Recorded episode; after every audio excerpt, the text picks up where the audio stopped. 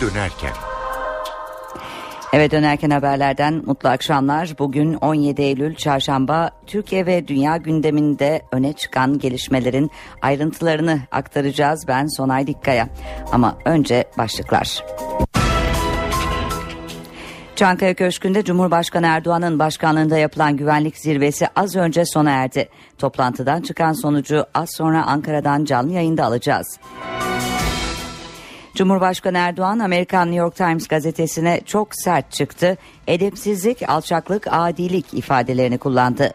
Cumhurbaşkanı uluslararası kredi derecelendirme kuruluşlarına da yüklendi. Ayrıntılar bültenimiz içinde. Güneydoğu'da Kürtçe okul gerilimi sürüyor. Bugün Güneydoğu'da 7 okul yakıldı.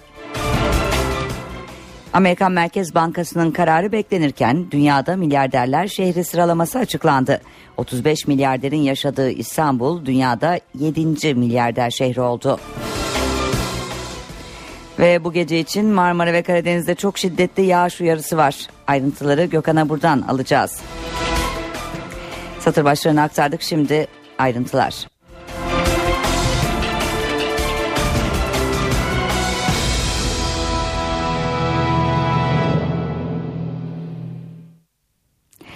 Çankaya Köşkü'nde bugün güvenlik zirvesi toplandı.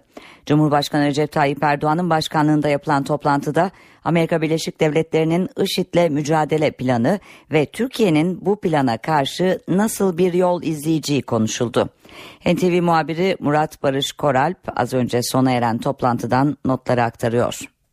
Türkiye IŞİD'le mücadele konusunda ne yapacak? Amerika Birleşik Devletleri tarafından oluşturulan çekirdek koalisyona nasıl bir katkı sağlayacak? İşte bu sorunun yanıtını bulmak üzere Cumhurbaşkanı Recep Tayyip Erdoğan başkanlığında devletin zirvesi 3 saat süren bir toplantı yaptı.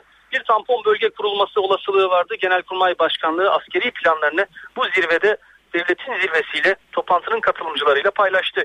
Tampon bölge çalışmaları kapsamında sadece Irak sınırının veya sadece Suriye sınırının değil iki sınırın birlikte mercek altına alındığı belirtiliyor ve eğer bir tampon bölge kurulursa IŞİD'in her iki ülke toprağında ve Suriye ve Irak toprağında ele geçirdiği yerlerin Türkiye sınırına yakın noktalarında bu tampon bölgenin oluşturulması planlanıyor. Yani tampon bölgeler insani geçişin yoğun olduğu noktalarda kurulacak. Bu kapsamda çadır kentler, sahra hastaneleri ve yemekhaneler kurularak insani faaliyetler bu güvenli bölgelerde yürütülecek en azından planlama bu yönde. Tampon bölgelerde insani yardım amaçlı çalışmaların sağlıklı yürütülebilmesi için uçuşa yasak bölge ilan edilmesi de yine planlamalar dahilinde tüm bu planlamalarda gelecek hafta Amerika Birleşik Devletleri'nde New York'ta yapılacak Birleşmiş Milletler'in 69. Genel Kurulu'nda ele alınacak. Öncesinde Türkiye neler yapabilir? Bunu devletin zirvesinde 3 saat süren bir toplantıda ele aldı. Kısaca bu güvenlik zirvesinin ayrıntılarını böyle toparlayabiliriz. Murat Barış Koral, NTV Radyo Ankara. Bu arada Cumhurbaşkanı Recep Tayyip Erdoğan Türkiye'den IŞİD'e eleman gidiyor iddialarına tepki gösterdi. Erdoğan bu yönde bir habere imza atan Amerikan New York Times gazetesine çok sert çıktı. Dün bir uluslararası gazete benim ve Sayın Başbakan'ın Hacı Bayram Camii'nde namazdan çıkarken çekilmiş fotoğrafımızı kullanıyor. Altına da bir terör örgütünün o caminin bulunduğu bölgeden terörist devşirdiğini yazıyor.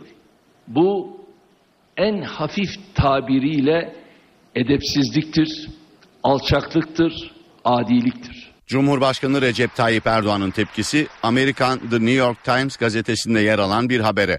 O haberde Ankara'da Hacı Bayram Mahallesi'nde IŞİD'e eleman kazandırmak için çalışmalar yapıldığı iddia edildi.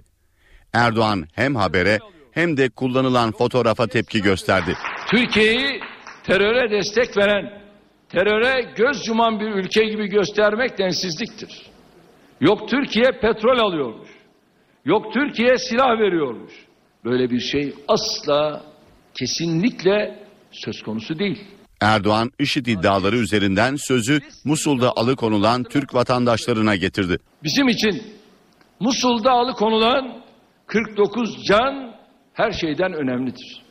Biz konuşurken dikkatli konuşmak zorundayız. Erdoğan bu mesajları Cumhurbaşkanı sıfatıyla katıldığı ilk programda TESK Genel Kurulu'nda verdi.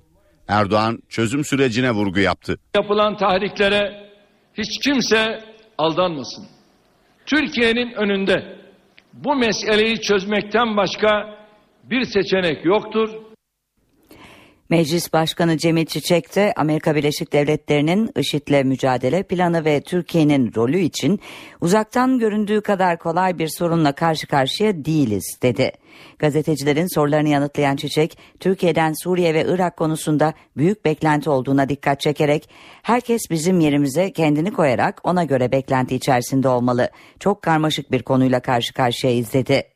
Batı ülkelerine PKK konusunda uyarı da yapan Çiçek, PKK'nın IŞİD'e karşı verdiği mücadeleden bahisse Batı toplumlarına sempatik görünme çabası var.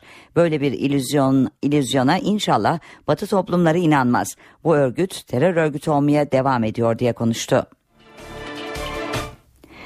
Avrupa İnsan Hakları Mahkemesi'nin Türkiye'de zorunlu din dersi uygulamasının kaldırılması kararına Başbakan Davutoğlu'ndan tepki var.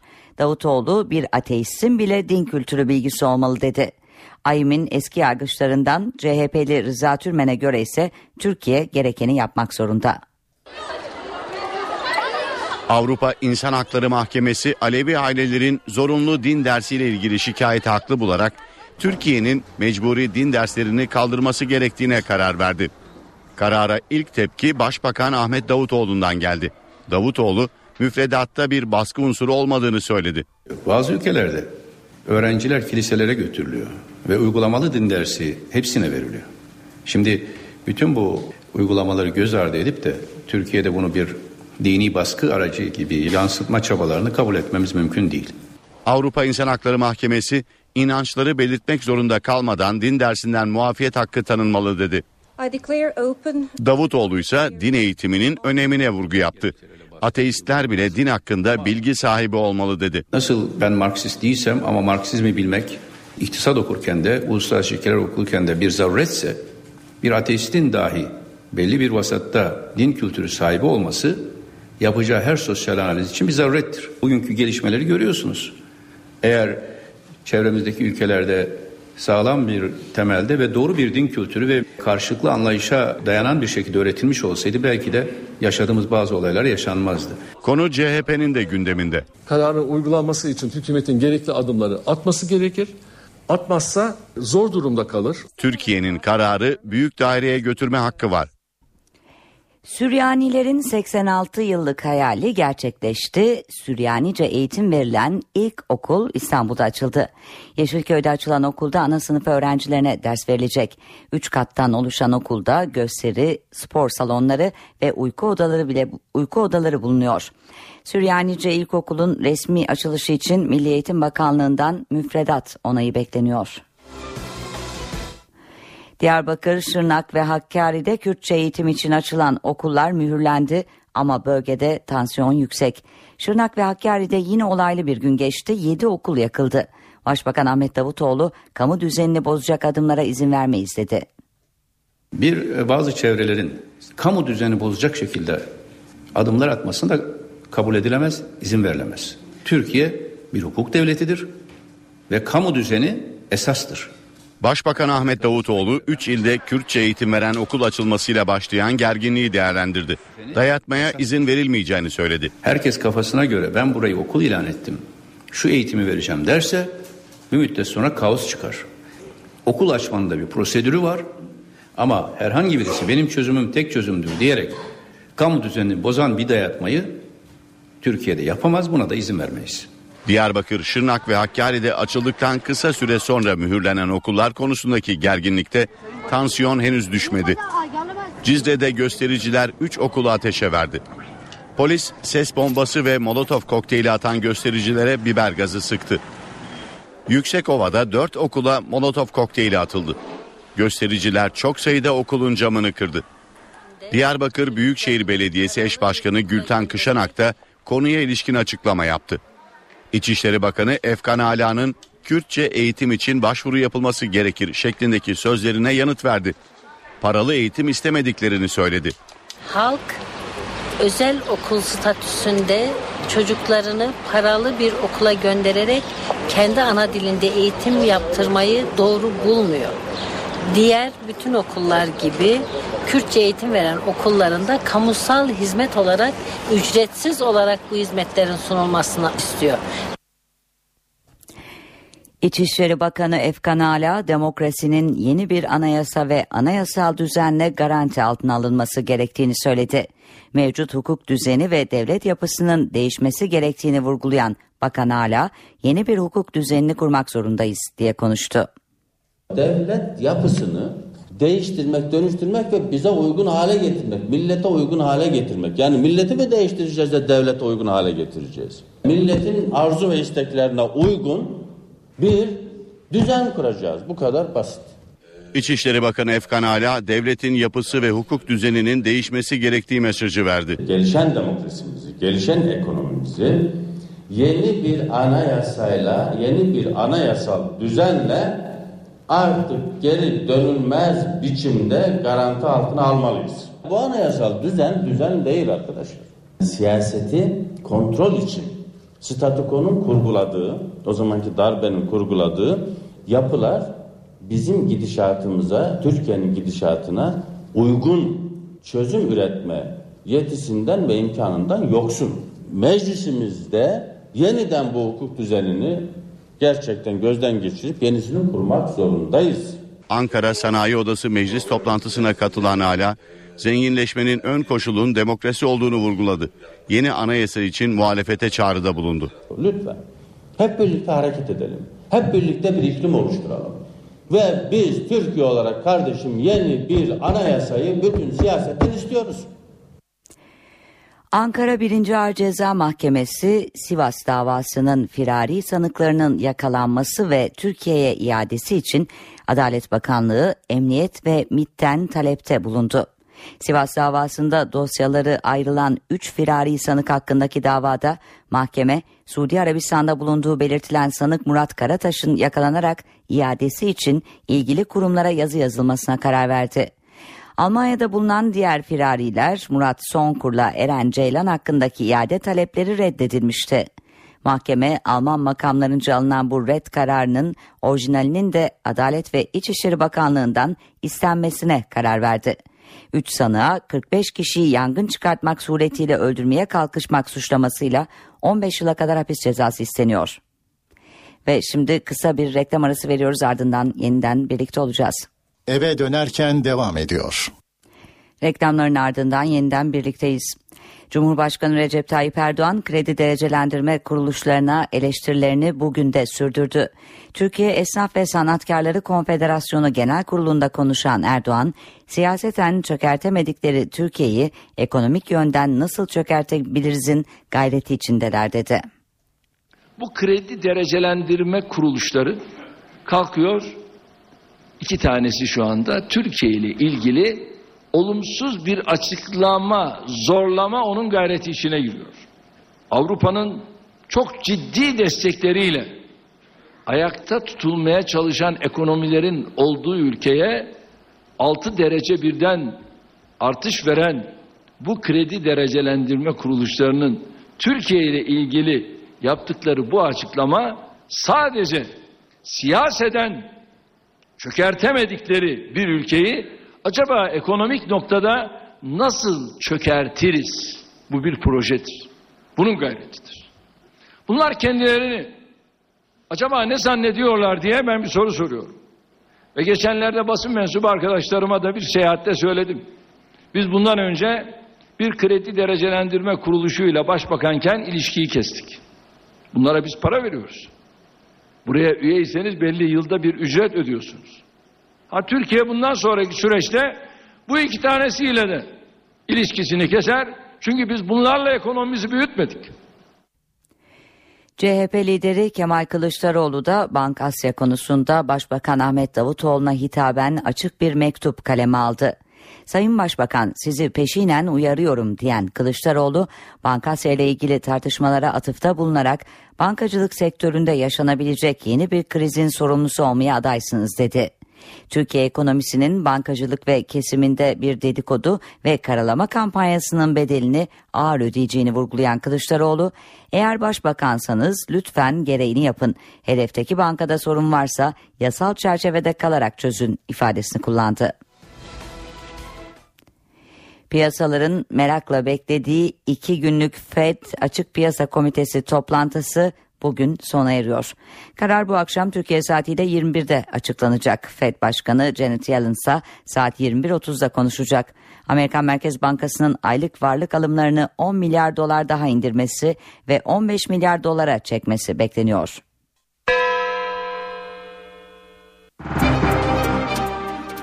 Ve Türkiye piyasalarındaki son duruma bakalım. Borsa İstanbul Yüz Endeksi şu dakikalarda yaklaşık olarak 78.900 puan seviyelerinde.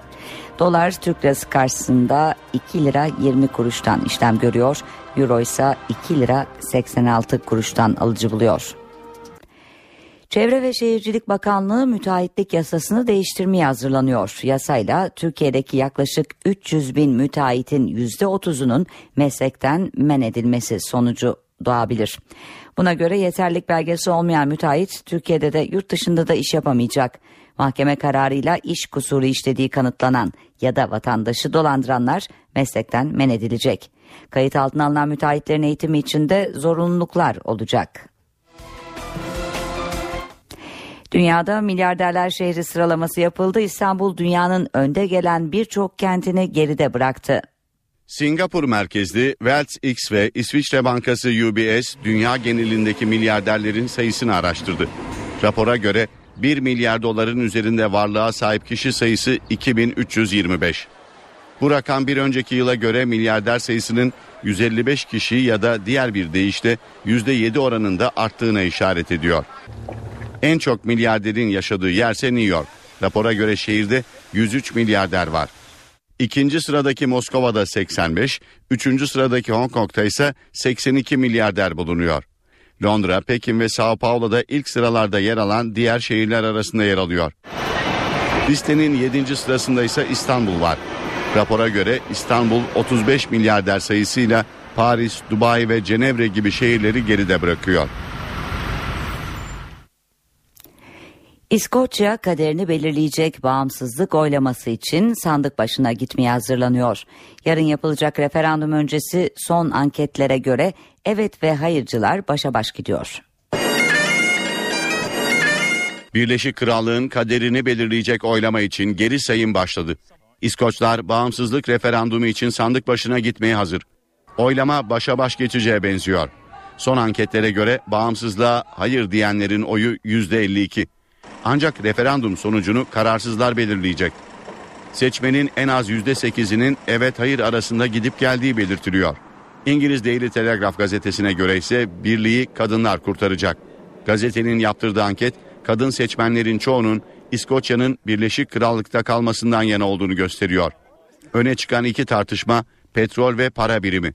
Evetçiler İskoçya'nın bağımsız olması durumunda mevcut petrol kaynakları ve 5 milyonluk nüfusuyla dünyanın en zengin ülkesi olabileceğini söylüyor. Hayırcılarsa İngiltere ve İskoçya'nın birlikteliğinin daha faydalı olacağı görüşünde. Ayrıca Birleşik Krallık'la olan para birliğinin de bozulması istenmiyor. Referandumdan evet çıkarsa İskoçya 2016 yılında bağımsızlık ilan etmeyi planlıyor. Hayır oyu çıkması halinde ise Birleşik Krallık İskoçya'ya maliye ve vergi gibi alanlarda daha fazla yetki vermek için düzenlemeler yapacak. Belçika'da cinayet ve cinsel saldırı suçları nedeniyle müebbet hapis cezası alan 45 yaşındaki hükümlünün ötenazi talebi kabul edildi. Yaklaşık 30 yıldır cezaevinde yatan mahkumun ağır ruhsal sorunlar yaşaması nedeniyle yaşamına son verme isteği onaylandı. Belçika adaleti tartışmalı bir ötenazi kararına imza attı. 80'li yıllarda cinsel istismar ve cinayet suçundan müebbet hapse mahkum edilen Frank Van den Bleken'in yaşamına son verme isteği kabul edildi. Ancak Bleken ölümcül bir hastalıktan muzdarip değil. Avukatı yaklaşık 30 yıldır hapis yatan Bleken'in psikolojik sorunlar yaşadığını söylüyor. Birçok doktor müvekkilimin durumuna ilişkin rapor verdi. Hapisteyken acılarını hafifletme şansımız yok ve çektiği acılar psikolojik. Durumu ötenazi yasasına ilişkin kriterleri karşılıyor. Avukat cinsel dürtülerini kontrol edemeyen müvekkilinin hapisten çıkma şansı olmadığı için böyle bir yola başvurduğunu sözlerine ekledi. 4 yıl önce yapılan başvuruyu değerlendiren Belçika Adalet Bakanlığı Bleke'nin ötenazi hakkını kullanması için hastaneye sevkine karar verdi. Frank Van den Bleke'nin ne zaman öldürüleceği açıklanmadı. Yasalarında idam cezası yer almayan Belçika, ötenazi konusunda liberal bir yaklaşım sergiliyor. Ülkede 12 yıldan bu yana tedavisi mümkün olmayan hastalıklarla mücadele edenlere ötenazi hakkı tanınıyor. Şubat ayında bu hakkın 18 yaşından küçüklere de tanınması büyük tartışma yaratmıştı. Sağlık Bakanı Mehmet Müezzinoğlu açıkladı, açık alanlarda da sigara yasağı geliyor. Örneğin çocuk parklarında sigara içmek yasaklanıyor. Bakanın açıklamaları ve Yeşilay Başkanı Profesör İhsan Karaman'ın açıklamalarını dinleyelim. Adı çocuk parkı ise çocuk parklarında içilmeyecek. Yetişkin parklarında da yine parkın bir köşesinde sigara içme alanı olacak. Sigara yasağı genişliyor. Hastane bahçesi, cami avlusu gibi açık alanlarda sigara içme yerleri oluşturulacak. Çocuk parklarında ise tamamen yasaklanacak. Bence içilmemesi gerekiyor. Zaten Beren de dedesini içirmiyor. Zaten ben de biliyorum. Hep onun sigaralarını alıyorum ikide bir. Alıyorum, alıyorum, alıyorum. O içiyor. Alıyorum, alıyorum, alıyorum. Dedesine içiyor. sigara içirmiyor. kendi içmediği halde sigara dumanına maruz kalmanın e, ciğerlerde, e, bünyede çok büyük tahribat yaptığını gösteriyor. Yaş küçüldükçe tahribat artıyor çünkü daha körpe bir organ var. Bu nedenle çocuk parklarında açık havadır, zararı yoktur diye düşünülemez ve mutlaka o civarda sigara dumanından arınmak gerekir. Yasak koyuluyor ama uygulanır mı, denetlenebilir mi? O düşündürücü yani. Denetlenirse iyi olur. Yasak ne kadar denetlenebilir o bir tartışma konusu ama İstanbul'daki parklarda başka başka sorunlar da var. Evim parkım yok. Ben de parklarda yatıyorum. Madde öyle. bağımlıları geliyor mu parka? Geliyor yani çoğu geliyor. Burada yatan çok öyle yani. Madde bağımlısı olsun. Yani sokaklar zaten çok o, o tür insanlarla. AVM ve hastane girişlerinde belli bir mesafeye çizgi çekilerek sigara içme alanları oluşturulması da gündemde. Sigara gerçekten çok kötü ki ben maçlara gidiyorum. Statta da yanımda sigara içiyorlar ve zor durumda kalıyorum ben. Denizli'de bir alabalık çiftliğinde toplu balık ölümleri yaşandı. 600 bine yakın alabalığın telef olmasına fabrika atıklarının neden olduğu sanılıyor. Denizli'nin Gökgöl köyündeki alabalık çiftliğinde yüz binlerce alabalık telef oldu. İddiaya göre Menderes Nehri üzerinde bulunan çiftliğe Afyonkarahisar'daki fabrikaların atığı karıştı. Bu nedenle 600 bine yakın alabalık telef oldu. Gıda Tarım ve Hayvancılık Müdürlüğü'ne bağlı ekipler sudan ve ölü balıklardan numune aldı.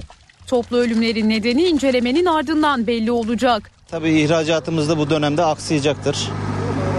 Yani taahhütlerimizi yerine getiremeyeceğiz. Sıkıntılı bir süreç başlayacak bizim için. Çiftlik sahibinin zararı yaklaşık 1,5 milyon lira. Saatlerimiz 17.30'u gösteriyor. Günün öne çıkan haberlerinden özetleri aktaralım. Çankaya Köşkü'nde toplanan güvenlik zirvesinde Amerika Birleşik Devletleri'nin IŞİD'le mücadele planı ve Türkiye'nin izleyeceği yol konuşuldu. Ankara bir askeri operasyonun IŞİD'in elinde bulunan Türk vatandaşlarının hayatlarını tehlikeye atabileceğini düşünüyor. Ankara'nın bir diğer kaygısı ise IŞİD'e karşı savaşan grupların silahlandırılacak olması ve bölgedeki gelişmelerden çözüm sürecinin olumsuz etkilenmesi. Cumhurbaşkanı Recep Tayyip Erdoğan Hacı Bayram Camii önünde çekilen fotoğrafı kullanarak Türkiye'den IŞİD'e eleman gidiyor iddiasında bulunan Amerikan New York Times gazetesine sert çıktı. Erdoğan en hafif tabiriyle edepsizlik, alçaklık, adiliktir dedi. Avrupa İnsan Hakları Mahkemesi'nin Türkiye'de zorunlu din dersi uygulamasının kaldırılması kararına Başbakan Davutoğlu'ndan tepki var. Davutoğlu bir ateistin bile din kültürü bilgisi olmalı dedi. AYEM'in eski yargıçlarından CHP'li Rıza Türmen'e göre ise Türkiye gerekeni yapmak zorunda. Diyarbakır, Şırnak ve Hakkari'de Kürtçe eğitim için açılan okullar mühürlendi ama bölgede tansiyon yüksek. Şırnak ve Hakkari'de yine olaylı bir gün geçti. 7 okul yakıldı. Cumhurbaşkanı Erdoğan kredi derecelendirme kuruluşlarına eleştirilerini bugün de sürdürdü. Türkiye Esnaf ve Sanatkarları Konfederasyonu Genel Kurulu'nda konuşan Erdoğan, siyaseten çökertemedikleri Türkiye'yi ekonomik yönden nasıl çökertebilirizin gayreti içindeler dedi. Piyasaların merakla beklediği iki günlük FED Açık Piyasa Komitesi toplantısı bugün sona eriyor. Karar bu akşam Türkiye saatiyle 21'de açıklanacak. FED Başkanı Janet Yellen ise saat 21.30'da konuşacak. Amerikan Merkez Bankası'nın aylık varlık alımlarını 10 milyar dolar daha indirmesi ve 15 milyar dolara çekmesi bekleniyor. Belçika'da cinayet ve cinsel saldırı suçları nedeniyle müebbet hapis cezası alan 45 yaşındaki hükümlünün ötenazi talebi kabul edildi. Yaklaşık 30 yıldır cezaevinde yatan mahkumun ağır ruhsal sorunlar yaşaması nedeniyle yaşamına son verme isteği onaylandı. CHP lideri Kemal Kılıçdaroğlu haklarında dava açılan Beşiktaş'ın taraftar grubu çarşıya destek vermek için yarın Beşiktaş'ın UEFA Avrupa Ligi maçını tribünden izleyecek. Özetleri aktardık. Gelişmelerin ayrıntılarıyla devam ediyoruz.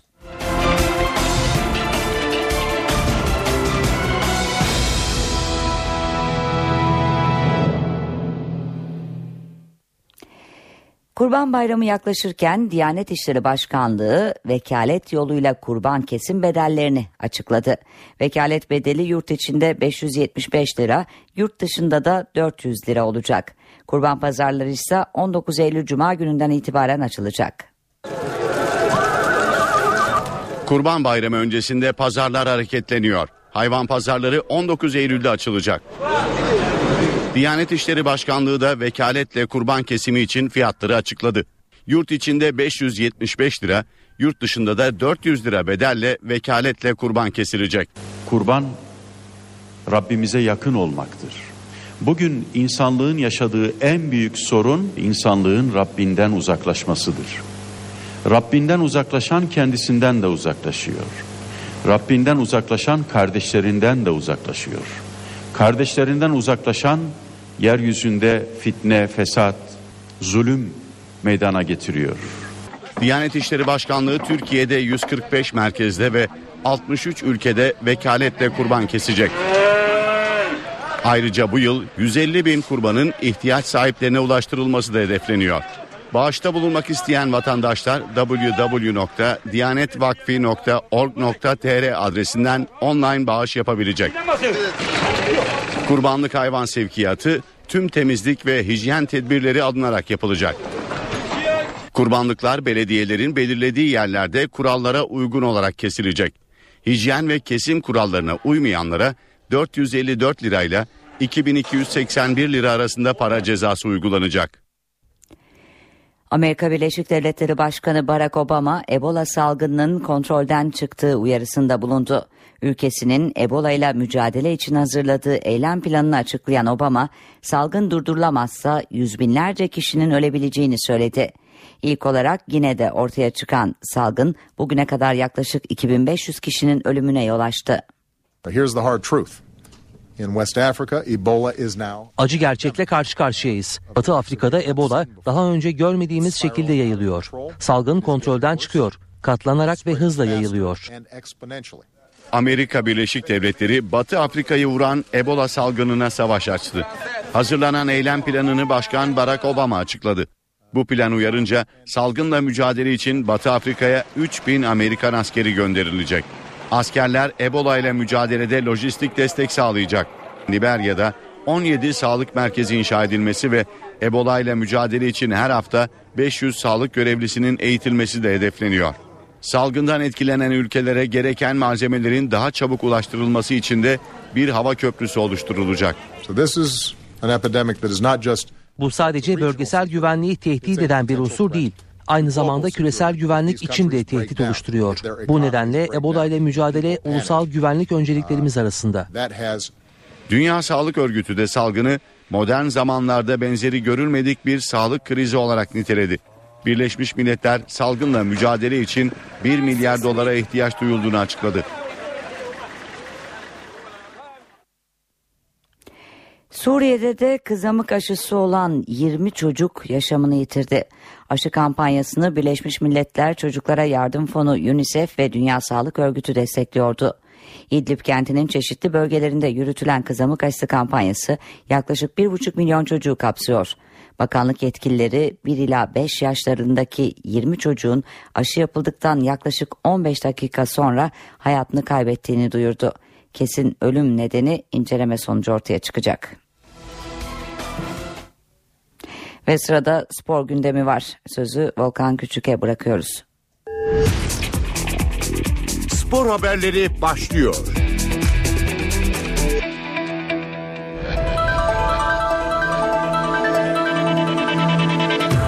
Galatasaray Şampiyonlar Ligi'ne puan kaybıyla başladı. Sarı Kırmızılı takım D grubundaki ilk maçında Anderlet karşısında beraberliği Burak Yılmaz'ın duraklama anlarında attığı golle kurtardı. Karşılaşma sonrası NTV Spor'a konuşan Galatasaray Teknik Direktörü Cesare Prandelli takımın sonuna kadar savaşmasından memnun olduğunu söyledi. Prandelli daha organize ve hızlı futbol oynamaları gerektiğinin altını çizdi. Çok zor bir maç oldu ama biz sürekli golü kovaladık ve genç bir takıma karşı sonuna kadar savaştık. En iyi olduğumuz anda golü yedik. Bu moralimizi çok bozdu. Ama yine de maçtan kopmadık. Mücadele ettik ve kaybetmedik. Soyunma odasında da oyuncularımla konuştum. Onlara teşekkür ettim. Hucuma çıkarken daha organize ve hızlı olmamız gerekiyor. Daha isabetli paslarla oynamalıyız. Grubumuz güçlü takımlardan oluşan bir grup. Oyun içinde taktiksel hatalarımızı düzelttikçe ve bu şekilde savaşmaya devam ettikçe gruptaki şansımızı da yükselteceğimizi düşünüyorum. Anderlet Teknik Direktörü Basnik Hasi ise 3 puan alamadıkları için üzgün olduğunu ifade etti. Biz buraya futbol oynamaya geldik. Geriye çekilip savunma yapmaya gelmedik. Bu maçı kazanmak istiyorduk. İlk yarı izlediyseniz çok farklı olabilirdi. İkinci yarıda da aynı futbol oynadık. Tüm takımım fiziksel olarak çok şeyler verdi. Son 20 dakikada 1-0'ı koruma içgüdüsüyle geriye çekildik. Maç içinde Galatasaray kanatlardan gelmediği için bazı riskler aldım. Maçtan önce bir puan iyi diye düşünüyordum ama maçtan sonra 3 puan alamadığımız için üzgünüm. Biz çok genç bir takımız. Bu takım çok güzel futbol oynuyor ama genç olduğu için hatalar da yapabiliyor. Last 15 minutes Galatasaray was coming. Türk Telekom Arena'da dün akşam ıslıklı protesto vardı. Galatasaray Anderlet karşısında beraberliği son dakika golüyle bulurken Selçuk İnan, Burak Yılmaz ve Veysel Sarı'ya sarı kırmızılı taraftarlar tepki gösterdi. Galatasaray taraftarı Anderlet maçında takımına tepki gösterdi. Sarı Kırmızılılar Anderlet karşısında beraberliği son dakika golüyle sağlarken taraftarlar Burak Yılmaz, Selçuk İnan ve Veysel Sarı'yı ıslıkla protesto etti. Karşılaşma sonrası teknik direktör Prandelli ve kaptanlardan Wesley Sneijder taraftar tepkisini eleştirdi. Eh, Taraftarın tepkisi beni çok şaşırttı ve üzdü. Selçuk, Burak ve Veysel çok koşup çok savaştılar. Bütün takım çok iyi mücadele etti. Oyuncularımın ıslıklanması beni çok çok üzdü. I just want to want to ask one thing. Uh... Taraftarımızdan bir ricam var. Bizi hep desteklesinler. Islıklar bizi negatif yönde etkiliyor. Takıma bu tarz tepki göstermesinler. İşimiz kolay değil. Bu bilinmeli. Yeni bir hoca geldi, yeni bir sistem var. Bütün oyuncular her gün yüzde yüzlerini vererek çalışıyor. Tekrar taraftardan rica ediyorum. Bize hep destek olsunlar. Burak Yılmaz'ın golü sonrası kaleci Fernando Muslera da kendilerini ıslıklayan taraftarlara tepki gösterdi.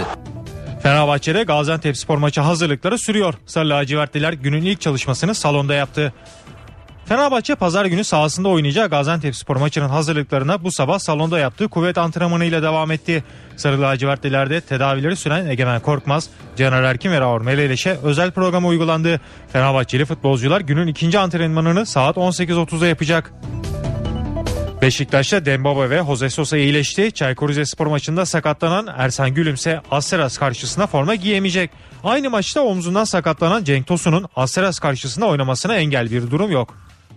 Beşiktaş Süper Lig'de Çaykur Rizespor'la oynadığı maçın ardından gözünü UEFA Avrupa Ligi'nde Asteras'la oynayacağı maça çevirdi.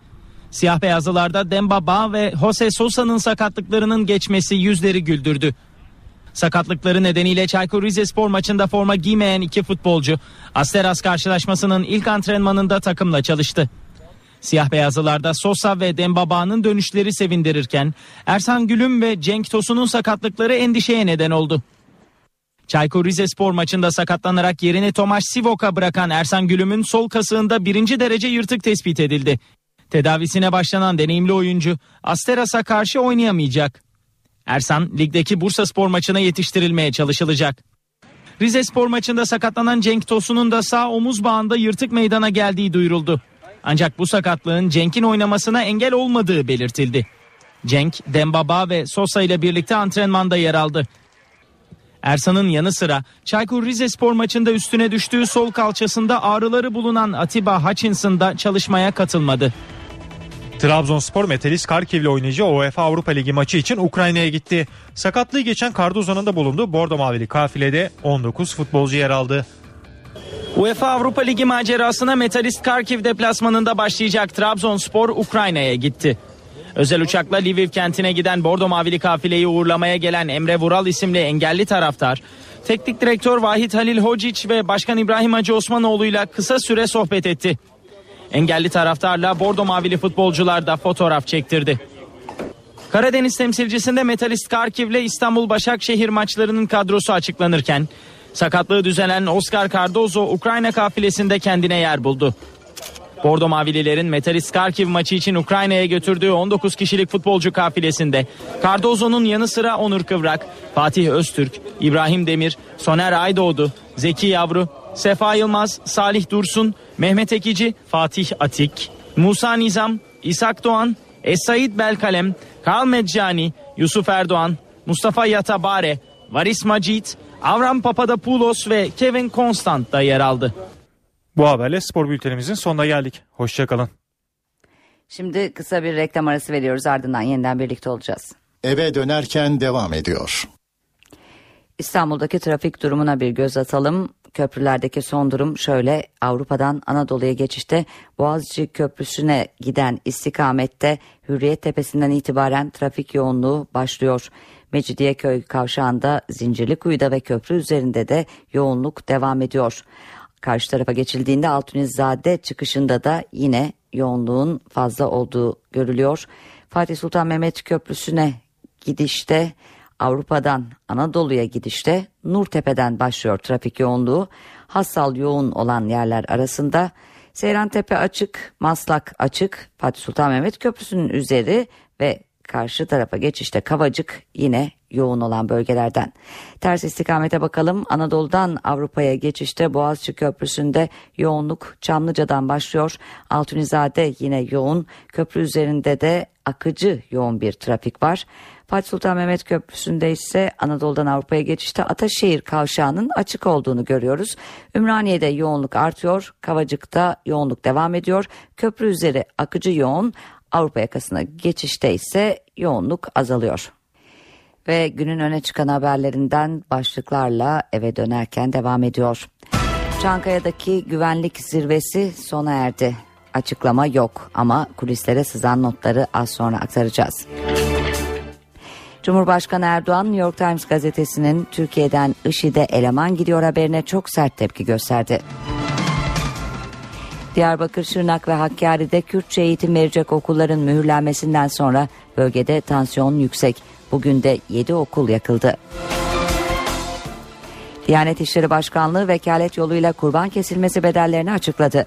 Vekalet bedeli yurt içinde 575 lira, yurt dışında da 400 lira olacak.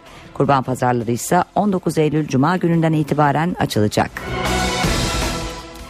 Antalya Konya altında bugün denize girenler denizin bir anda yeşil renk alması üzerine anonslarla denizden çıkarıldı. Antalya'da ne oldu, neden oldu az sonra ayrıntılara bakacağız. Ve balık sezonu açıldı. NTV muhabiri Koran Varol balık tezgahlarını gezdi, fiyatlardan çeşitlere balık durumunu haberleştirdi, satır başlarına aktardık.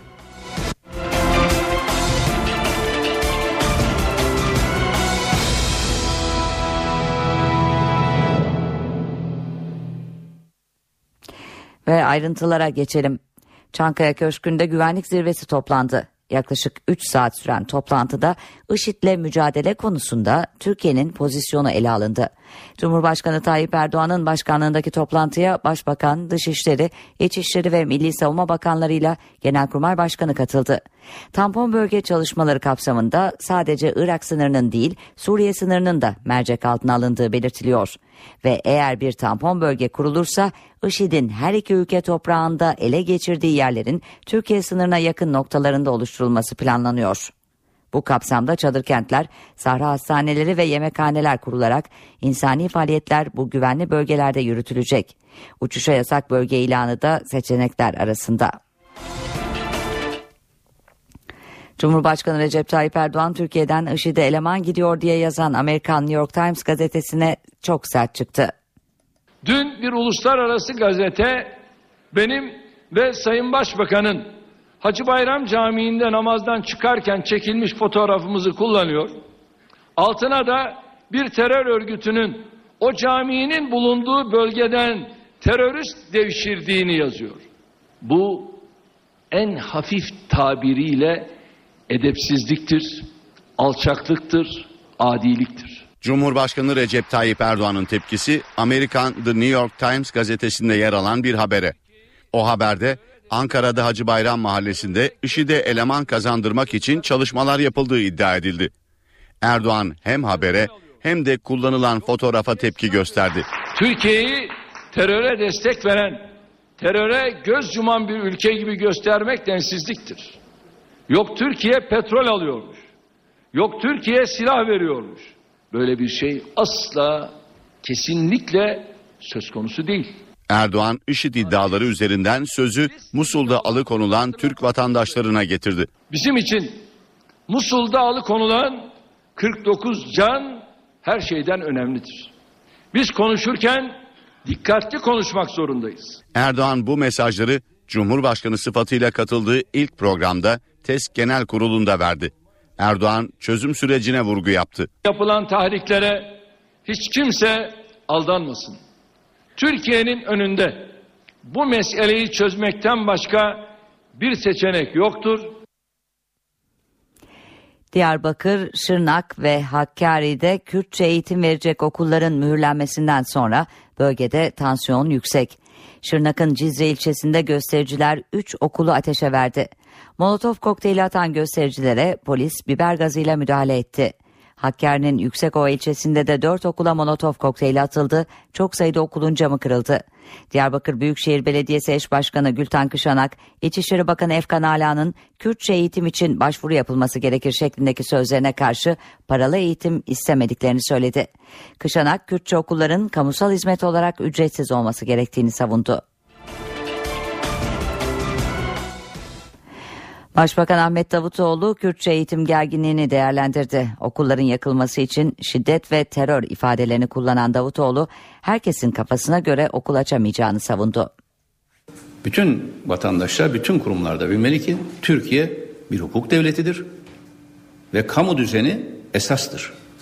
Herkes kafasına göre ben burayı okul ilan ettim, şu eğitimi vereceğim derse bir müddet sonra kaos çıkar. Eğer İstanbul'da veya Konya'da birisi İmam Hatip okulu açıyorum ve üstüne de yazıyorum ama ben burada kendime göre eğitim yapacağım deseydi o da kapatılırdı. Bazı e, ilçelerimizde, illerimizde okullara dönük Molotov kokteyli yapılan saldırılar şiddettir, terördür. Yani siz hem özgürlüklerden, şeylerden bahsedeceksiniz.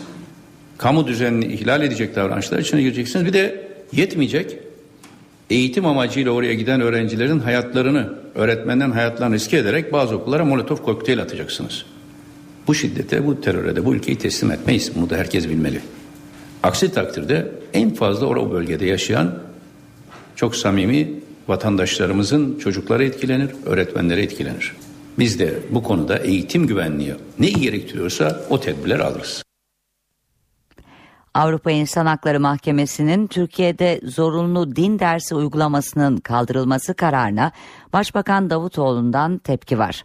Davutoğlu bir ateistin bile din kültürü bilgisi olmalı dedi. AYİM'in eski yargıçlarından CHP'li Rıza Türmen'e göre ise Türkiye gerekeni yapmak zorunda. Avrupa İnsan Hakları Mahkemesi Alevi ailelerin zorunlu din dersiyle ilgili şikayeti haklı bularak Türkiye'nin mecburi din derslerini kaldırması gerektiğine karar verdi. Karara ilk tepki Başbakan Ahmet Davutoğlu'ndan geldi. Davutoğlu müfredatta bir baskı unsuru olmadığını söyledi. Bazı ülkelerde öğrenciler kiliselere götürülüyor ve uygulamalı din dersi hepsine veriliyor. Şimdi bütün bu uygulamaları göz ardı edip de Türkiye'de bunu bir dini baskı aracı gibi yansıtma çabalarını kabul etmemiz mümkün değil.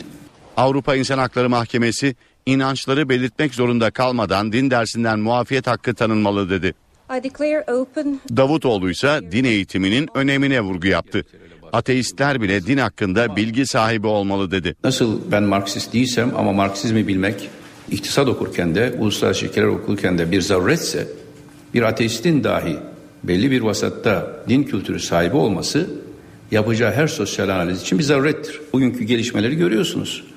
Eğer çevremizdeki ülkelerde sağlam bir temelde ve doğru bir din kültürü ve karşılıklı anlayışa dayanan bir şekilde öğretilmiş olsaydı belki de yaşadığımız bazı olaylar yaşanmazdı. Konu CHP'nin de gündeminde. Kararın uygulanması için hükümetin gerekli adımları atması gerekir. Atmazsa zor durumda kalır. Türkiye'nin kararı büyük daireye götürme hakkı var. Adalet Bakanı Bekir Bozdağ Hakimler ve Savcılar Yüksek Kurulu'nda Yargıtay'ı temsilen yer alacak 3 üye için yapılacak seçim tarihi konusunda Cumhurbaşkanı Recep Tayyip Erdoğan'ın yanıltıldığını söyledi. Bozdağ 13 Ekim olarak mutabık kalınan tarihin Yargıtay Başkanlığı tarafından 22 Eylül'e çekildiğini belirtti. Yargıtay Başkanımız HSYK seçimine Yargıtay'dan seçilecek 3 asıl ve 3 yedek üyenin seçimini kürsüde yapılacak hakim ve savcıları etkilememesi bakımından 12 Ekim'le yapmayı düşündüklerini ancak 12 Ekim'in pazar gününe gelmesi Yargıtay'da da pazar günleri çalışma geleneği olmaması nedeniyle biz 13 Ekim pazartesi günü yapacağız diye kendisi bizzat Sayın Cumhurbaşkanımıza ifade ettiler, e, açıkladılar. Tabi basından öğrendiğimiz kadarıyla Yargıtay Başkanımız Yargıtay'da yapılacak seçimi 22 Eylül olarak tarihlendirmiş durumda. Tabi Sayın Cumhurbaşkanımıza arz ettiği tarihi Sayın Başkan değiştirmiş durumda. Ee, tabi bu konuyu ben takdire bırakıyorum. Dışişleri Bakanı Mevlüt Çavuşoğlu da yarın Almanya'ya gidiyor. Çavuşoğlu'nun Alman mevkidaşı Steinmeier'le yapacağı görüşmenin en önemli gündem maddesi dinleme iddiaları. İki ülkenin istihbarat yetkilileri daha önce görüşmüş. Konu NATO zirvesinde Cumhurbaşkanı Recep Tayyip Erdoğan'ın Almanya Başbakanı Angela Merkel'le görüşmesinde de gündeme gelmişti. Dışişleri Bakanı Çavuşoğlu'nun da Alman istihbaratının Türkiye'yi dinlediği iddiası ile ilgili haberleri sorması bekleniyor. Çavuşoğlu'nun temaslarında ayrıca Avrupa Birliği ile müzakere süreci ve Türk-Alman ilişkileri de ele alınacak. Kısa bir reklam arası veriyoruz ardından yeniden birlikte olacağız.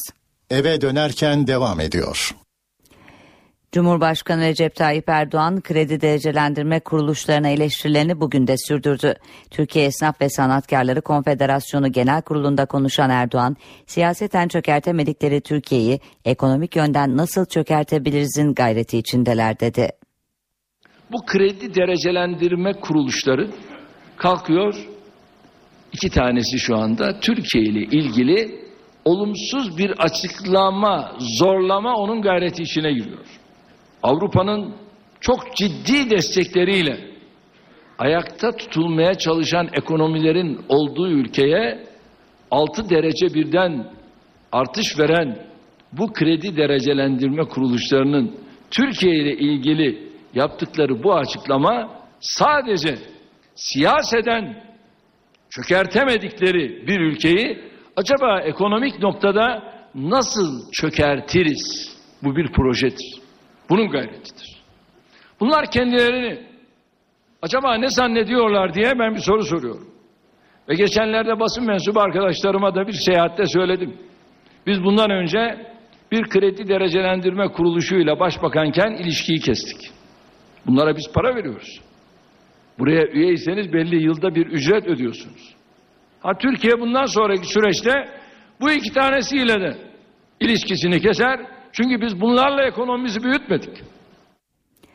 Ve piyasaların merakla beklediği iki günlük FED Açık Piyasa Komitesi toplantısı bugün sona eriyor. Karar bu akşam Türkiye saatiyle 21'de açıklanacak. FED Başkanı Janet Yellen ise saat 21.30'da konuşacak. Amerika Merkez Bankası'nın aylık varlık alımlarını 10 milyar dolar daha indirmesi ve 15 milyar dolara çekmesi bekleniyor. Borsa İstanbul Yüz Endeksi dünkü kapanışa göre 333 puan yükselerek günü 78.968 puandan kapattı. Dolar 2 lira 20 kuruş, euro 2 lira 86 kuruştan alıcı buldu. CHP lideri Kemal Kılıçdaroğlu Bankasya konusunda Başbakan Ahmet Davutoğlu'na hitaben açık bir mektup kaleme aldı. Sayın Başbakan sizi peşinen uyarıyorum diyen Kılıçdaroğlu Bankasya ile ilgili tartışmalara atıfta bulunarak bankacılık sektöründe yaşanabilecek yeni bir krizin sorumlusu olmaya adaysınız dedi. Türkiye ekonomisinin bankacılık kesiminde bir dedikodu ve karalama kampanyasının bedelini ağır ödeyeceğini vurgulayan Kılıçdaroğlu, eğer başbakansanız lütfen gereğini yapın. Hedefteki bankada sorun varsa yasal çerçevede kalarak çözün ifadesini kullandı. Dünyada milyarderler şehri sıralaması yapıldı. İstanbul dünyanın önde gelen birçok kentini geride bıraktı. Wealth X ve İsviçre Bankası UBS dünya genelindeki milyarderlerin sayısını araştırdı. Rapora göre 1 milyar doların üzerinde varlığa sahip kişi sayısı 2325. Bu rakam bir önceki yıla göre milyarder sayısının 155 kişi ya da diğer bir deyişle %7 oranında arttığına işaret ediyor. En çok milyarderin yaşadığı yerse New York. Rapora göre şehirde 103 milyarder var. İkinci sıradaki Moskova'da 85, üçüncü sıradaki Hong Kong'ta ise 82 milyarder bulunuyor. Londra, Pekin ve Sao Paulo'da ilk sıralarda yer alan diğer şehirler arasında yer alıyor. Listenin 7. sırasında ise İstanbul var. Rapora göre İstanbul 35 milyarder sayısıyla Paris, Dubai ve Cenevre gibi şehirleri geride bırakıyor. İstanbul Valiliği görevinden merkeze alınan Hüseyin Avni Mutlu görevinden rahat ve müsterih bir şekilde ayrıldığını ama veda etmediğini söyledi. İşte Vali Mutlu'nun İstanbul'dan ayrılırken yaptığı açıklama. Makamlar gelip geçicidir.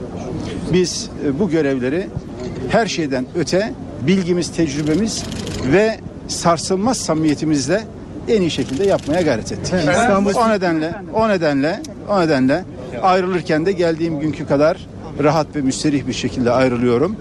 4 yıldır İstanbul Valiliği görevinde bulunan Hüseyin Avni Mutlu merkeze atanmasını bu sözlerle değerlendirdi. Vali Mutlu'ya görev değişikliğini nasıl karşıladığı soruldu. Geldiğimiz gibi ayrılıyoruz.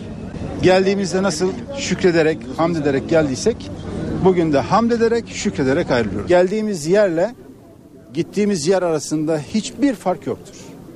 Hiçlik önemlidir. İnsanoğlu bu dünyada hiçtir. Bütün makamlar gelici ve geçicidir. Vali Mutlu İstanbul'a veda etmediğini söyledi.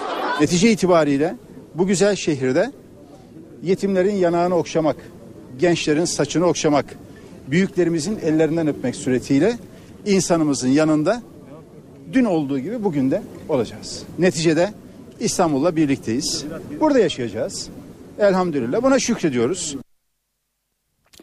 Zonguldak'ta torba kanunu gerekçe gösteren 22 maden ocağında üretim durdurulmuş, madencilerin işine son verilmişti. verilmişti.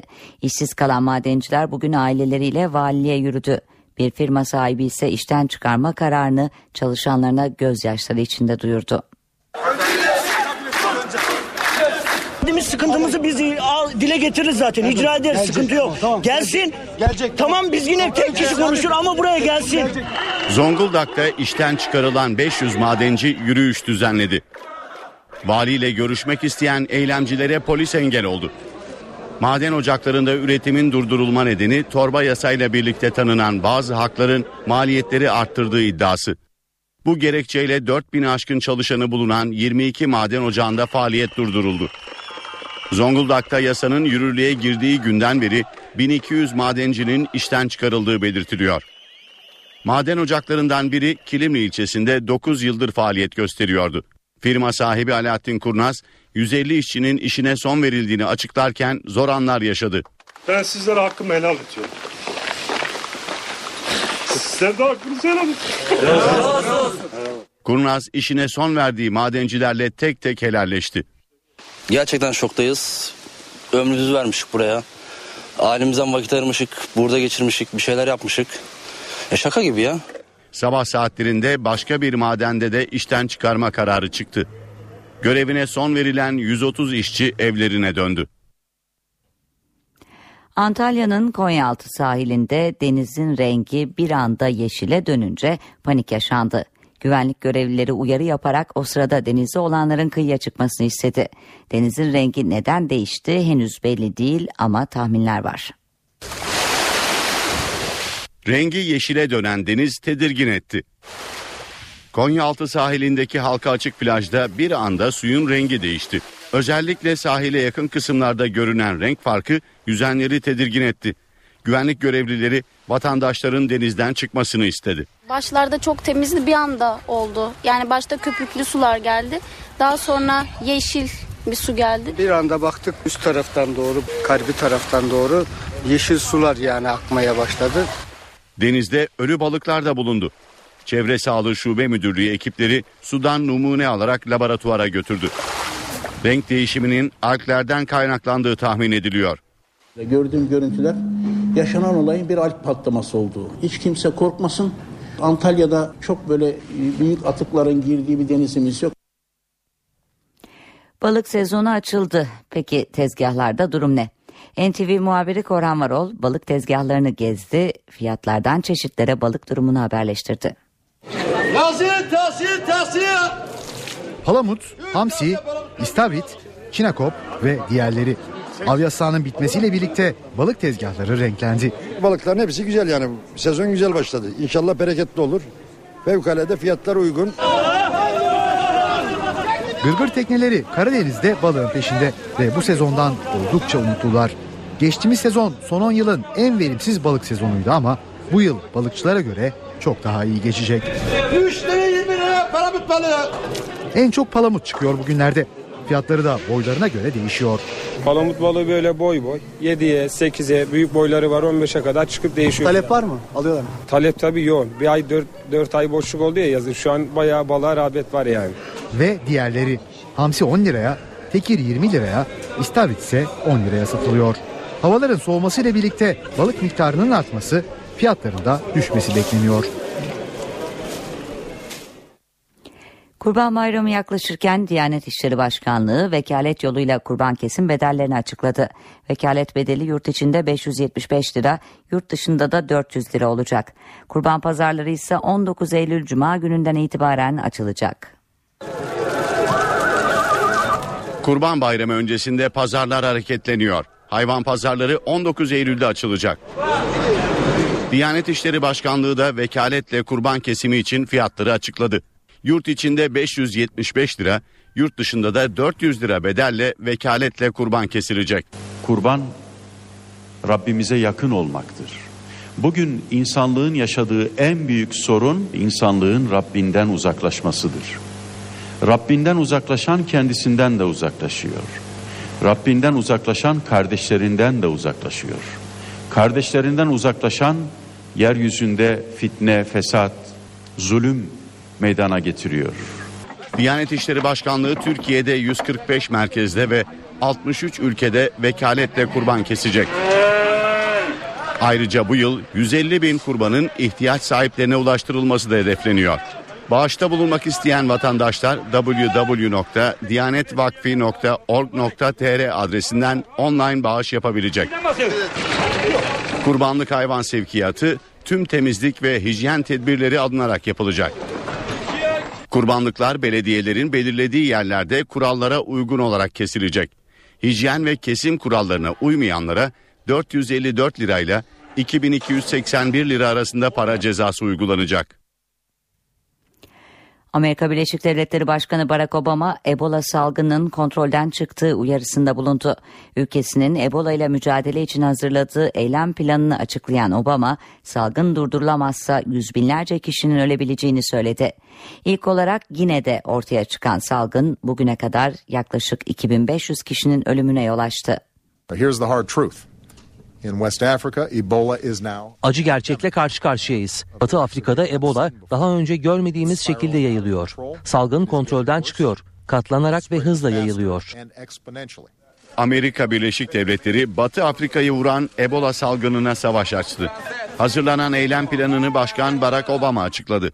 Bu plan uyarınca salgınla mücadele için Batı Afrika'ya 3000 Amerikan askeri gönderilecek. Askerler Ebola ile mücadelede lojistik destek sağlayacak. Liberya'da 17 sağlık merkezi inşa edilmesi ve Ebola ile mücadele için her hafta 500 sağlık görevlisinin eğitilmesi de hedefleniyor.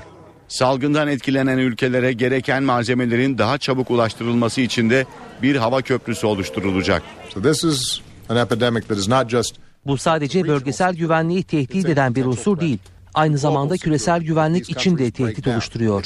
Bu nedenle Ebola ile mücadele ulusal güvenlik önceliklerimiz arasında. that has Dünya Sağlık Örgütü de salgını modern zamanlarda benzeri görülmedik bir sağlık krizi olarak niteledi. Birleşmiş Milletler salgınla mücadele için 1 milyar dolara ihtiyaç duyulduğunu açıkladı. Belçika'da cinayet ve cinsel saldırı suçları nedeniyle müebbet hapis cezası alan 45 yaşındaki hükümlünün ötenazi talebi kabul edildi. Yaklaşık 30 yıldır cezaevinde yatan mahkumun ağır ruhsal sorunlar yaşaması nedeniyle yaşamına son verme isteği onaylandı. Belçika adaleti tartışmalı bir ötenazi kararına imza attı. 80'li yıllarda cinsel istismar ve cinayet suçundan müebbet hapse mahkum edilen Frank van den Bleken'in yaşamına son verme isteği kabul edildi. Ancak Bleken ölümcül bir hastalıktan muzdarip değil. Avukatı yaklaşık 30 yıldır hapis yatan Bleken'in psikolojik sorunlar yaşadığını söylüyor. Birçok doktor müvekkilimin durumuna ilişkin rapor verdi. Hapisteyken acılarını hafifletme şansımız yok. Ve çektiği acılar psikolojik. Durumu ötenazi yasasına ilişkin kriterleri karşılıyor. Avukat cinsel dürtülerini kontrol edemeyen müvekkilinin hapisten çıkma şansı olmadığı için böyle bir yola başvurduğunu sözlerine ekledi. 4 yıl önce yapılan başvuruyu değerlendiren Belçika Adalet Bakanlığı, Bleken'in ötenazi hakkını kullanması için hastaneye sevkine karar verdi. Frank van den Bleken'in ne zaman öldürüleceği açıklanmadı. Yasalarında idam cezası yer almayan Belçika, ötenazi konusunda liberal bir yaklaşım sergiliyor. Ülkede 12 yıldan bu yana tedavisi mümkün olmayan hastalıklarla mücadele edenlere ötenazi hakkı tanınıyor. Şubat ayında bu hakkın 18 yaşından küçüklere de tanınması büyük tartışma yaratmıştı. Haber özetleriyle devam edelim. Çankaya'daki güvenlik zirvesi sona erdi. Genelkurmay Başkanlığı'nın tampon bölge çalışması değerlendirildi. Türkiye'nin hassasiyetleri ortaya kondu. Cumhurbaşkanı Erdoğan New York Times gazetesinin Türkiye'den IŞİD'e eleman gidiyor haberine çok sert tepki gösterdi. En hafif tabirle edepsizlik, alçaklık, adilik dedi. Diyarbakır, Şırnak ve Hakkari'de Kürtçe eğitim verecek okulların mühürlenmesinden sonra bölgede tansiyon yüksek. Bugün de 7 okul yakıldı. Zonguldak'ta torba kanunu gerekçe gösteren 22 maden ocağında üretim durdurulmuş, madencilerin işine son verilmişti. İşsiz kalan madenciler bugün aileleriyle valiliğe yürüdü. Bir firma sahibi ise işten çıkarma kararını çalışanlarına gözyaşları içinde duyurdu. Dünyada milyarderler şehri sıralamasında İstanbul önde gelen birçok kenti geride bıraktı. İstanbul 35 milyarderin yaşadığı şehir olarak dünyada 7. oldu. Vogue Türkiye dergisi tarafından bu yıl dördüncüsü düzenlenen modanın en büyük alışveriş partisi Fashions Night Out bu akşam törenle başladı. Alışveriş partisine alanında önde gelen fotoğrafçı, stilist, tasarımcı, model ve oyuncularla spor ve cemiyet hayatından ünlü isimler katılıyor. Bu yıl bu yıl pop konseptiyle düzenlenen etkinlik Nişantaşı İstinye Park ve Bağdat Caddesi'nde saat 18'de başladı. Gece yarısına kadar sürecek. Özetleri aktardık. Gelişmelerin ayrıntılarıyla devam edelim.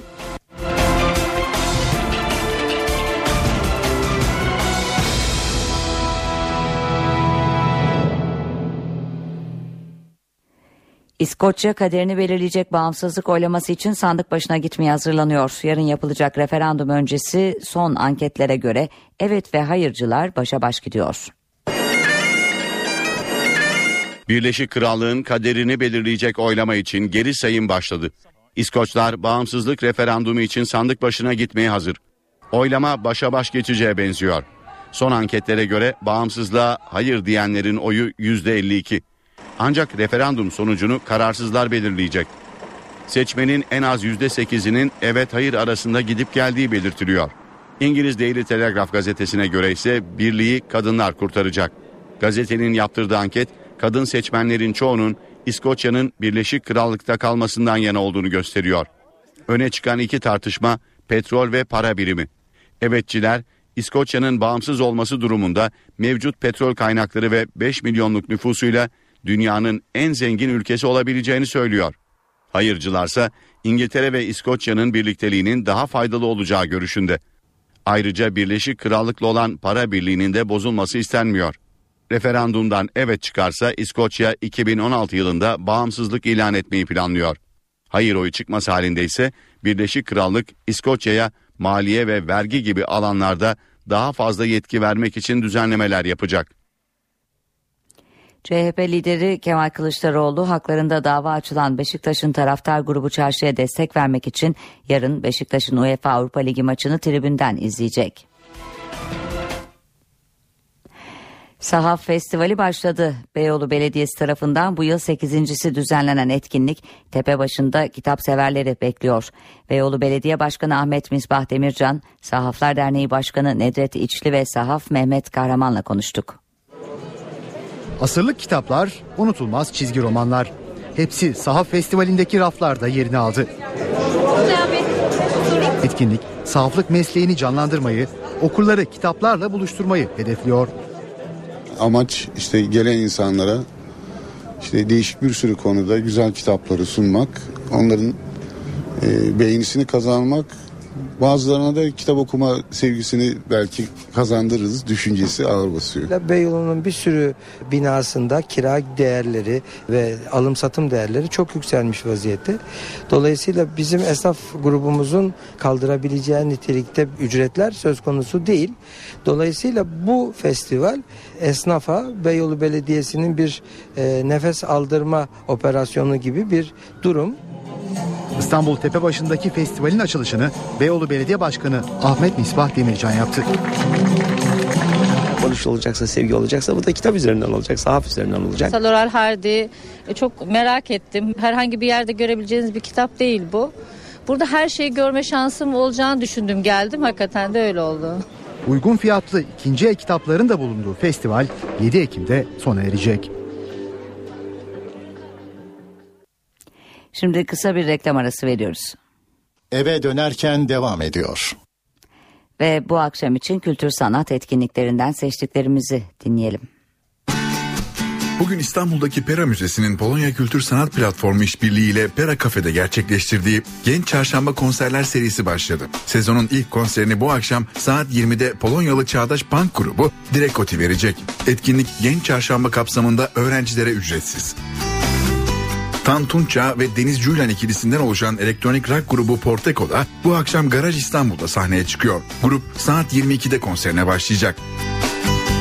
Yıldız Sarayı Kaskat Köşkü'nde bugün başlayan Sultan II. Abdülhamit'in 25. Cülüs hediyeleri sergisini de görebilirsiniz. Sultan II. Abdülhamit'in tahta çıkışının 25. senesinin kutlandığı 1901 yılına ışık tutan sergide Sultan'a yurt içi ve yurt dışından gönderilen 18 parça değerli hediye ilk kez bir arada tarih severlerin ilgisine sunuluyor. Sergi 17 Ekim'e kadar açık olacak. Beyoğlu'ndaki Arter Sanat Galerisi'nde de bugün bir sergi açılıyor. Göçebe Bakış adlı sergi Güneydoğu Asya bölgesindeki çağdaş sanat üretimine odaklanıyor. Bölgenin sanatsal üretiminde sıklıkla yer alan biçimlere, malzemelere, kavramsal yöntemlere ve estetik kodlara yer veren sergi aynı zamanda bölgenin güncel kültürüne ve Güneydoğu Asya toplumlarında ayrışmalara neden olan gerilimlere de değiniyor. Kristal Elma Yaratıcılık Festivali 17 Eylül'de Santral İstanbul'da başlıyor. Türkiye'nin önemli yaratıcılık ve pazarlama etkinliği olarak kabul edilen festivale 120'nin üzerinde fikir önderi ve endüstri lideri konuşmacı olarak katılacak. 3 gün sürecek etkinliğin kapanışı 19 Eylül Cuma gecesi Grip'in, Teoman ve Cem Yılmaz'ın katılımıyla Black Box İstanbul'da düzenlenecek kapanış partisiyle son bulacak. İzmir'e geçelim. Bostanlı Suat Teşer Açık Hava Tiyatrosu İlhan Şeşen ve Vedat Sakman konserine ev sahipliği yapıyor. Bugün saat 21'de başlayacak konser akustik bir müzik ziyafeti olacağı benziyor. İzmirli dinleyicilerimize bir de sergi önerimiz var. Üsküdar ressamı olarak bilinen Hoca Ali Rıza resim sergisi bugün Alsancak'taki Arkas Sanat Merkezi'nde açılıyor. Doğa sevgisini tuvaline yansıtan ressamın sergisi 28 Aralık tarihine kadar ziyaretçilerini bekliyor. Ankara'da da Alaaddin Bender resim sergisi açılıyor. Sergi saat 18'de gerçekleşecek bir açılışla ilgililerle buluşacak. Ankara Devlet Güzel Sanatlar Galerisi'ndeki sergi 28 Eylül tarihine kadar ziyaretçilere açık. Mehmet Erdem şarkılarını bugün Gaziantep Hayal Kahvesi'nde söyleyecek. Konseri saat 21.30'da başlayacak. Akşam evde olacaksanız CNBC'de saat 21'de Alexander Duman'ın efsanevi karakterleri 3 silahşörlerin maceralarını anlatan dizi The Musketeers'ı saat 22'de de Kraliçe Elizabeth namı diğer Beyaz Kraliçenin tahta çıkmadan önce giriştiği kanlı taht kavgalarını konu alan The White Queen'i izleyebilirsiniz. Dizi meşhur Güllerin Savaşı dönemini tüm entrikalarıyla ekrana taşıyor. Şimdi NTV Meteoroloji Editörü Gökhan Abur'dan son hava tahminini dinliyoruz. İyi akşamlar. Batı ve iç kesimler Balkanlardan gelen serin ve yağış hava etkisine girdi. Yarın yağışların kuvvetlenmesiyle sıcaklıklar 4-5 derece daha azalacak. Serin havanın önümüzdeki günlerde de etkisini sürdürmesini bekliyoruz. Yarın Güney Ege ve Güneydoğu dışında yurdun büyük çoğunluğunda yağış var. Marmara'da rüzgarın karayla dönmesiyle kuvvetlenecek yağışlar İstanbul, Bursa, Yalova, Gölcük, Kocaeli arasında çok daha kuvvetli olacak. Gün içinde Batı Karadeniz'i de etkileyecek sağanakların Bolu, Zonguldak, Karabük, Kastamonu arasında giderek kuvvetlenmesini ve ilerleyen saatlerde kuvvetli sağanakların Giresun, Trabzon, Rize, Artvin arasında etkili olmasını bekliyoruz. Cuma günü Marmara ve Akdeniz'de yağışlar giderek hafiflerken Batı ve Orta Karadeniz'de zaman zaman kuvvetlenerek devam edecek. Cumartesi günü Samsun, Ordu, Giresun, Trabzon arasında beklediğimiz çok kuvvetli sağanaklara karşı bölge sakinleri ve yetkililer dikkatli ve tedbirli olmalı. İstanbul'da bu gece ve yarın kuvvetli yağmur bekliyoruz. Yarın sıcaklık 22 dereceye kadar inecek. Ankara'da yarın da sağanak yağmur geçişleri görülecek. Sıcaklık ise 18 derece olacak. İzmir'de yarın yağış beklemiyoruz. Hava bulutlu, sıcaklık ise 24 derece olacak. Rüzgar gün içinde sert esmeye devam edecek.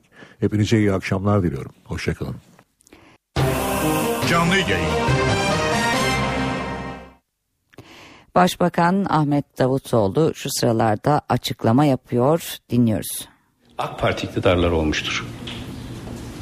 Eğer AK Parti iktidarları bu finansal politikaları takip etmese ve ülkede güven ve istikrar sağlamamış olsaydı herhalde küresel ekonomik krizde finansal yapımız bu derece dirençli olmazdı. Öncelikle yaptığı referans olarak kullandığı 25 bankanın battığı dönemlerinden Türkiye ayrılıp çıkaran biziz. Kılıçdaroğlu değil. AK Parti yönetimleri ve o yönetimlerde başbakanlık yapan Sayın Cumhurbaşkanımızdır. Buradan üçüncü noktaya geliyorum. Türkiye'deki bankacılık sisteminin de ekonomik hayatında garantörü Türkiye Cumhuriyeti Hükümeti'dir. Sayın Kılıçdaroğlu'nun bu uslubuyla eğer dışarıda birilerine ve onların buradaki uzantılarına Türk ekonomisinde bir kriz beklentisi var görüntüsü vermek istiyorsa bu açık bir şekilde Türk Türkiye'deki istikrara ve Türk ekonomisine yönelik bir ihanettir. Öncelikle bunun hesabını vermek durumundadır. Kime neyi jurnal diyor? Bir takım gizli e, tweet hesaplarında çıkan ismini zikretmek etmek istemiyorum burada ama çıkan ve açıkça Türkiye'de manipülatif nitelikteki tweet hesaplarındaki bilgilere dayalı olarak bir ana muhalefet partisi liderinin böylesine kritik ekonomik şartların yaşandığı dünya şartları içinde ülkesini zan altında bırakacak ifadelerde bulunması sorumsuzluktur. Türkiye e, Türk ekonomisi güçlüdür. Türk siyasi, e, finansal sistemi gayet sağlamdır. Ama herkes de bilsin ki hiç kimsenin bu finansal sistemde ayrıcalığı yoktur. Kurallar bellidir. Bu kurallar nasıl işletilecekse o şekilde de işletilir. Bizim için önemli olan şu veya bu bankayı korumak ya da tasfiye etmek değil, Türk finansal sisteminin kurallarını ayrımsız bir şekilde işletmektir. Bu kurallar da şimdiye kadar son 12 yılda nasıl iş, e, uygulanmışsa aynı şekilde uygulanır. Hiçbir e, farklı tutum da hükümetimizden beklemesin. Türkiye'de e, ekonomik istikrarında, siyasal istikrarında teminatı hükümetimizdir. Sayın Kılıçdaroğlu'nun bu provokatif açıklamaları eminim hem iş dünyamızca hem objek, olaylara objektif bakan sivil toplumca ve basın mensuplarınca dikkatlice değerlendirecek ve hak ettiği cevabı alacaktır. İkinci soru için Kıvanç Bey. Efendim bir sorun olacak. Bir konu başlığı. İyi konu İki sorum olacak birisi. Önce konuk başbakana soralım ee, isterseniz. Önce konuk başbakana sorayım. Türk-Makedon ilişkilerinden e, bahsedildi, köklü tarihinden. Makedonya'da Türk-Makedon ilişkilerinin tarihini anlatan bir tiyatro gösterisinin e, oynandığı ve burada da Türklere hakaret edildiği yönde haberler okuduk. E, bununla ilgili yorumu nedir? Kendisinden bunu öğrenebilir miyiz? Öncelikle size de efendim e, Müslüman kardeşler yöneticilerinin Türkiye'de olduğu yönünde bazı iddialar var. Bu konudaki e, durum nedir? Bir de böyle bir talep gelirse Müslüman kardeşlerden oturma izni veya büro açma izni Türkiye'nin tavrı ne olur? Teşekkürler. Имаме прашање за господинот премиер Груевски. Господинот премиер зборуваше за добрите односи и етнички односи, меѓуетнички односи во Македонија и зборуваше и за турската нација. И рече дека турската нација представува мост на пријателство во меѓу двете земји. Во позитивна смисла се изрази за неа. Меѓутоа, колку што ние дознаваме, во Македонија во извесен период била изведена една театарска представа а, во која што биле е, навредени чувствата на е, турците во Македонија. Па што мисли господинот премиер во врска со тоа? А, знаете што, кога има кога имате една мултиетничка држава, секогаш од време на време може да се јави нешто што некој може да го навреди или да не го навреди или да да, да го Başbakan Ahmet Davutoğlu'nun Makedonya Başbakanı'yla yaptığı basın toplantısını dinledik. Başbakan Davutoğlu gündeme ilişkin soruları cevapladı konuşmasının sırasında. Eve dönerken devam ediyor. Evet saatlerimiz 19'u gösteriyor. Eve dönerken haberler devam ediyor. Özetleri aktaralım. Çankaya Köşkü'nde toplanan güvenlik zirvesinde IŞİD'le mücadele konusunda Türkiye'nin pozisyonu ele alındı. Tampon bölge çalışmaları kapsamında sadece Irak sınırının değil, Suriye sınırının da mercek altına alındığı belirtiliyor. Ve eğer bir tampon bölge kurulursa IŞİD'in her iki ülke toprağında ele geçirdiği yerlerin kentler, sahra hastaneleri ve yemekhaneler kurularak insani faaliyetler bu güvenli bölgelerde yürütülecek. Uçuş yasak bölge ilan edilmesi de seçenekler arasında. Cumhurbaşkanı Erdoğan Amerikan New York Times gazetesinde yer alan Türkiye'den IŞİD'e eleman gidiyor iddiasına sert tepki gösterdi. Cumhurbaşkanı Türkiye'yi teröre destek veren göz yuman bir ülke gibi göstermek densizlik, alçaklık, edepsizlik dedi. Çözüm sürecine de vurgu yapan Erdoğan süreci sabote etmek için milletin zihnini bulandırmak için yapılan tahriklere kimse aldanmasın dedi. Başbakan Ahmet Davutoğlu Güneydoğu'da açılan Kürtçe okulların mühürlenmesi üzerine ortaya çıkan gerginliği değerlendirdi. Okulların yakılması için şiddet ve terör ifadelerini kullanan Davutoğlu herkesin kafasına göre okul açamayacağını söyledi. Yalova'da uyuşturucu sattığı belirlenen iki kişi arasında çıkan tartışma silahlı kavgaya dönüştü. Açılan ateş sonucu taraflardan biriyle yoldan geçen bir çocuk hayatını kaybetti. Bir çocuk da ağır yaralandı. Çatışmada silahını ateşleyen Baki Demirci gözaltında.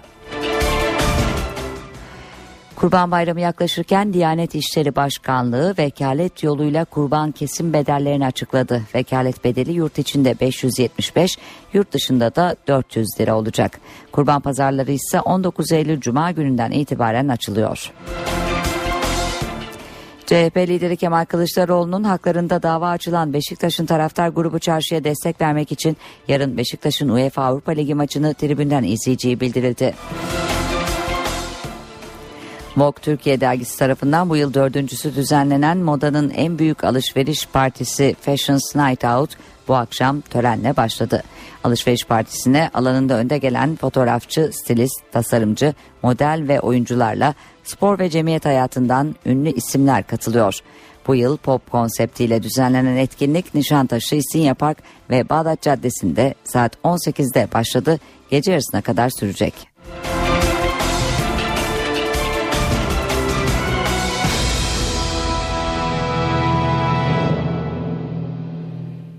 Saatler 19.00 gösterirken İstanbul'daki trafik durumu şöyle köprülerde yoğunluk artmaya başlamış durumda. Avrupa'dan Anadolu'ya geçişte Boğaziçi Köprüsü Hürriyet Tepesi'nden itibaren oldukça yoğun. Fatih Sultan Mehmet Köprüsü'nde de Nurtepe oldukça yoğun bölgelerden. Hassala Seyran Tepe şu saat itibariyle açık görünüyor. Maslak'ta da yoğunluk artmış durumda. Köprü üzeri ve Kavacık çıkışı da oldukça yoğun. Anadolu'dan Avrupa'ya geçişte köprülerdeki son durum şöyle. Çamlıca, Altunizade köprü üzeri yoğun olan yerlerden ve Fatih Sultan Mehmet Köprüsü'nde de Anadolu'dan Avrupa'ya geçişte Ümraniye'de başlıyor yoğunluk. Kavacık yine yoğun bölgeler arasında. Eve dönerken haberler sona erdi. Ben Sonay Dikkaya, Teknik Masa'da Mehmet Can Bağatır, NTV Radyo'dan mutlu akşamlar diliyoruz size. Yayınımız kısa bir aradan sonra Cem Dizdar ve Gürcan Bilgiç'in Shift Forward programıyla devam edecek. Hoşçakalın.